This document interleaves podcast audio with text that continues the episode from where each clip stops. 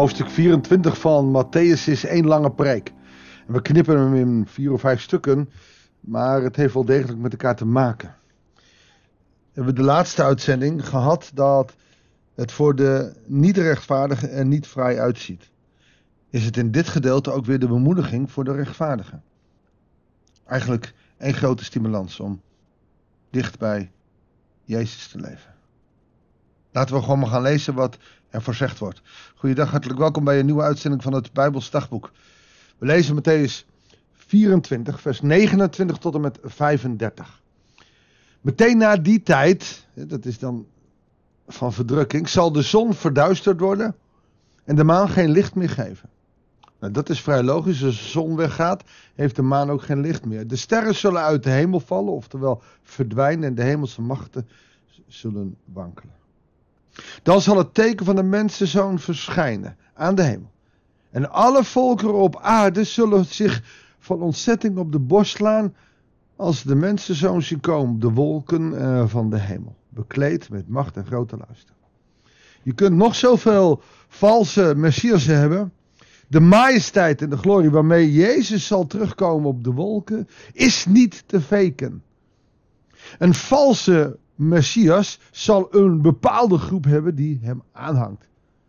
bij Jezus zal ook de vijand zich op de borst slaan en zeggen: Wauw, dit hadden we toch niet verwacht.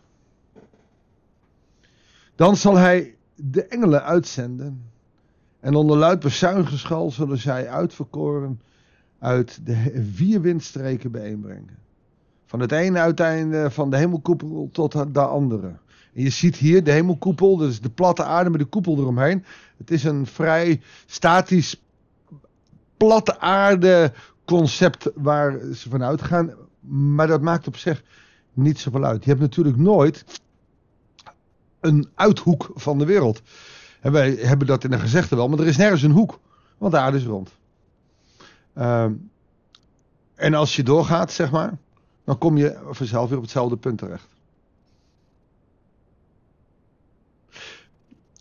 Leer, zegt Jezus, van de vijgenboom deze les. Zo gauw de takken van die vijgenboom uitlopen en in blad schieten, weet je dat de zomer in aantocht is. Zo moeten jullie ook weten wanneer je dat alles ziet, dat hij in aantocht is en heel dichtbij. Ik verzeker jullie, deze generatie zal zeker niet verdwijnen, verdwenen zijn, sorry, wanneer al deze dingen gebeuren. Hemel en aarde zullen verdwijnen, maar mijn woorden verdwijnen nooit. Nou, dat is eigenlijk al het hele gedeelte.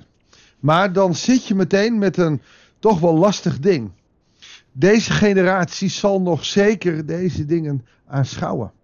En daar krijg je theologisch een probleem mee. Want als dat de wederkomst is van Christus, en zo hebben ze daar ook heel lang over nagedacht, dan heb je een probleem. Want die wederkomst, die is er nog steeds niet. 2000 jaar geleden eh, niet en nu niet. En, en Jezus, Jezus' komst, uh, heeft op zich laten wachten. Dus die generatie heeft dat niet meegemaakt. Waar doelt Jezus hier dan op? Nou, dat is op het begin van de eindtijd. Dus hij heeft het hier niet over dat die generatie Jezus nog zal zien verschijnen op de wolken. Dat is denk ik in de eerste gemeente nog wel die misverstand geweest. Omdat iedereen alles verkocht wat hij had. Want Jezus zou spoedig terugkomen. Nieuwe hemel, nieuwe aarde, klaar. Kat in zijn bakkie. Ik denk dat dat een groot misverstand is geweest. Maar wat we hier zien is dat hij zegt: vanaf dat ik straks naar de hemel zal gaan, zullen deze dingen beginnen. Dat betekent, lieve mensen, dat wij, ja, inderdaad, in de eindtijd zitten. Dat klopt. Alleen als wij denken dat de eindtijd even in één jaar gebeurt, of in een week of in een oogwenk, dan hebben we het mis. En dit is niet om te zeggen, nou ja, je ben je er makkelijk vanaf. Nee, Vanaf dat Jezus terugkomt, hebben wij een hoop ellende gezien. De middeleeuwen, met de pest, de Spaanse griep. S ochtends stond je gezond op, s'avonds lag je tussen zes houten kistjes. De Eerste Wereldoorlog, de Tweede Wereldoorlog, de pandemie af, uh, afgelopen tijd met corona. De honger in de wereld, de aids-epidemie. Kanker, wat heel veel mensen ontvangen en krijgen in, in ons land ook alleen al. Er zijn zoveel diverse, grootse problemen in deze wereld. Dat het best zou kunnen, als je nu kijkt naar de oorlog in Israël of Oekraïne, dat, dat de machten nu nog harder gaan werken. En dat die eindtijd werkelijk waar zeer binnenkort is. Alleen moet je daar niet zenuwachtig van worden. Want wanneer jij je hart aan Jezus hebt gegeven, zal het terechtkomen. Dan zal je dat strenge oordeel missen. Je zal opgenomen worden. En wanneer en hoe precies dat, dat komt later wel. En soms is dat ook niet eens te zeggen. Maar de rechtvaardigen zullen het overleven. Dat betekent niet dat rechtvaardige mensen niet zullen sterven. Alleen Paulus is heel duidelijk, de dood is niet het einde.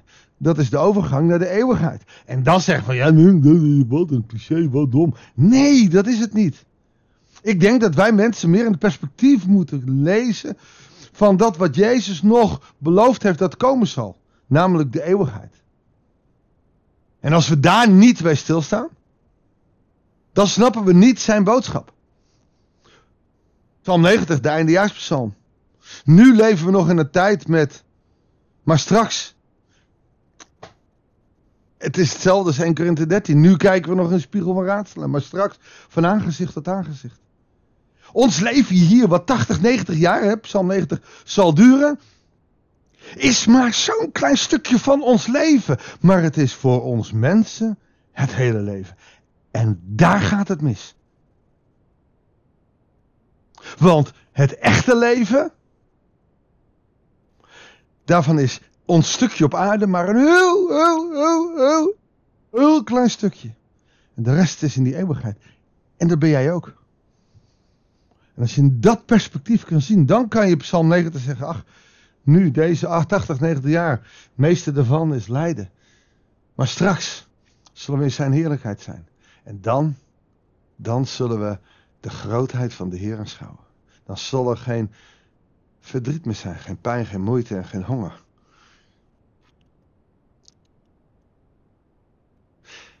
Heel veel christenen zullen teleurgesteld zijn. Dat zou nu toch ook al kunnen? Ja, het kan nu. Maar misschien moeten wij, jij en ik, nog wel een stukje lijden dragen. Misschien wordt het nog erger in ons leven of dat van onze kinderen. En het enige wat je je kinderen kan geven is niet weerbaarheid en dat ze gaan protesteren tegen het klimaat. Ik zou veel eerder beginnen bij ze te leren Jezus te kennen. In plaats dat je je fanatieke milieu mensen en ik, ik heb niks tegen milieu en tegen klimaatverandering. We moeten daar heus mee aan de gang zijn. Maar wil je je kinderen beschermen tegen de grote ondergang, dan zul je ze moeten discipelen. Dan zul je ze bij Jezus moeten brengen. En dan zal je eigen leven bij Jezus moeten brengen. Dan zullen alle mensen bij Jezus moeten komen die jij kent. En ik weet als geen ander dat dat soms wel een heel groot probleem is. En dat het niet altijd even makkelijk is. Laten we daar maar gewoon om bidden. Vader in de hemel, gelukkig dat rechtvaardigen dit niet hoeven te ondergaan, maar niet iedereen is rechtvaardig. We kennen zoveel mensen die niet geloven in u, die niet die ticket to heaven hebben en die bij die grote ondergang verloren zullen gaan. Er zijn al zoveel mensen verloren gegaan. Heer God, omdat ze het evangelie niet hebben aangenomen.